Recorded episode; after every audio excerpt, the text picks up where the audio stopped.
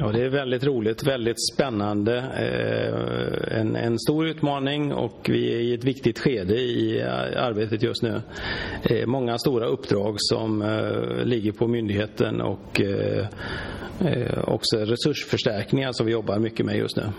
Vilken är din syn på jakten och viltförvaltningen? Alltså jag tänker på då Naturvårdsverkets förhållande till jägarna lite grann. Ja, Naturvårdsverket har ju nu under året tagit fram en, en helt ny eh, strategi för sitt viltarbete. En strategi som vi verkligen hoppas ska kunna eh, nyttjas av en lång rad aktörer. Eh, och eh, vi bygger bland annat på att eh, ett hållbart brukande och att Naturvårdsverket bland annat borde också kunna få arbeta med främjande av det hållbara brukandet av viltet. Det där är ju lite intressant för där har det funnits, åtminstone från jägarhåll, en syn att Naturvårdsverket jobbar mer med bevarande än någonting annat. Men här ser vi då kanske i alla fall en eh, liten riktningsförändring.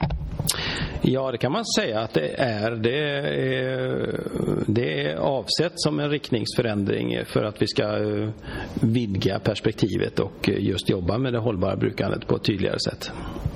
Tror du att det kommer förbättra relationen mellan jägarna och Naturvårdsverket? Det har ju varit lite frostigt ibland i vissa frågor.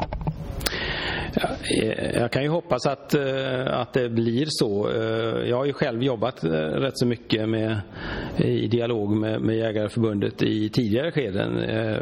Jag har ju bland annat som tidigare erfarenhet på Naturvårdsverket varit ordförande i nationella rovdjursrådet under en längre period. Jag ser fram emot ett fortsatt gott samarbete. Då kommer vi in på rovdjursfrågorna. De är alltid intressanta. Hur tycker du de skiljer sig i läget de ligger nu jämfört med när du jobbar med dem tidigare på Naturvårdsverket. Det är några år, år sedan du var där då. Ja, rovdjursfrågorna är en, en, mycket större fråga numera och det beror ju på att vi har eh, större stammar, framförallt av varg eh, och eh, ett eh, omfattande arbete med förvaltning av rovdjuren eh, på regional nivå som eh, Naturvårdsverket behöver hålla samman. Det kräver mer resurser, kräver mer uppmärksamhet helt enkelt. Vi har ju i dagarna också haft eh, beslut från länsstyrelserna. Eh, de har ju nu delegerad rättighet att besluta om jakt på just varg. Eh, och hur ser ni på de besluten som har tagits där till exempel? Ja, vi har mest noterat att besluten har kommit och det kan ju hända att eh, något, av, något eller några av besluten eh, överklagas av någon aktör. Eh, då har Naturvårdsverket en roll som ja, överprövningsinstans helt enkelt. Det är en roll som ju diskuteras om den istället ska ligga på en domstol. Så vi går in i en slags, ja, i den typen av prövning helt enkelt. Eh, och den får vi helt enkelt ta då om den kommer. Och vår roll i ett sådant sammanhang det är ju att pröva om besluten är rättsenliga, om de stämmer överens med eh, svensk lagstiftning och EU-lagstiftning. Eh, mer än så vill jag inte säga i, i nuläget. Det är ju som sagt eh, ärenden som inte har öppnats än heller, ska vi ju säga. Eh, de har ju inte överklagats än, vad vi vet. Men i det stora hela, hur ser man från verkets sida på licensjakten? Om vi nu bortser från de här juridiska teknikaliteterna kring de här besluten. Eh, men licensjakt på varg som ett verktyg i förvaltningen? Ja, Naturvårdsverket ser ju det som viktigt att vi eh, har med det i verktygslådan och det gäller ju alla arterna. Eh, ju bredare verktygslåda desto bättre och ska vi ha en adaptiv förvaltning så vill vi ju kunna nyttja de mest effektiva verktygen i, olika sammanhang. Så att licensjaktsverktyget är viktigt. Framtiden då, eh, om vi får titta ett, två, tre år framåt i tiden. Vad har hänt på Naturvårdsverket som jägarna och samhället i övrigt märker av, tror du? Ja, vi har egentligen en ganska lång lista med åtgärder som är presenterade i viltstrategin. Eh, jag vill inte gå in något närmare på någon av dem. Eh, strategin som sådan är ju faktiskt ute på remiss så att eh, jag hoppas att Svensk Jakts läsare kommer att gå in och titta på vad innebär alla de här förslagen och vad tycker jag som jägare om dem helt enkelt. För att eh, nu kan vi ju avslöja lite grann i förhand då, men en del av de här förslagen vänder sig ju till eh, berörda organisationer, myndigheter och, och intressen. Men en del av eh, förslagen är ju också lite grann riktade mot beslutsfattarna, alltså regering i sista hand. Så att ni har ju en idé här någonstans om vad ni vill göra, en förändring. Mm.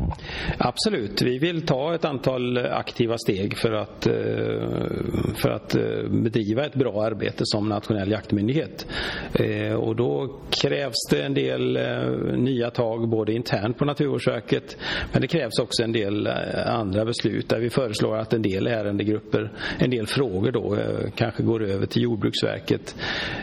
Vissa frågor behöver utvärderas mera. Det gäller både finansieringssystem, det gäller ja, regeringen har ju redan tidigare aviserat att man ska titta på detta med regionala viltförvaltningsdelegationer.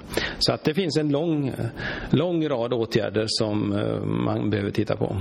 Du nämnde internt eh, se över det här och göra lite förändringar. Vad är det du tänker på där? Ja, jag tänker inte på något specifikt ska jag säga då utan det, det är en lång rad åtaganden som Naturvårdsverket kommer att börja rulla igenom eh, redan nu när vi har tagit fram förslaget till viltstrategi.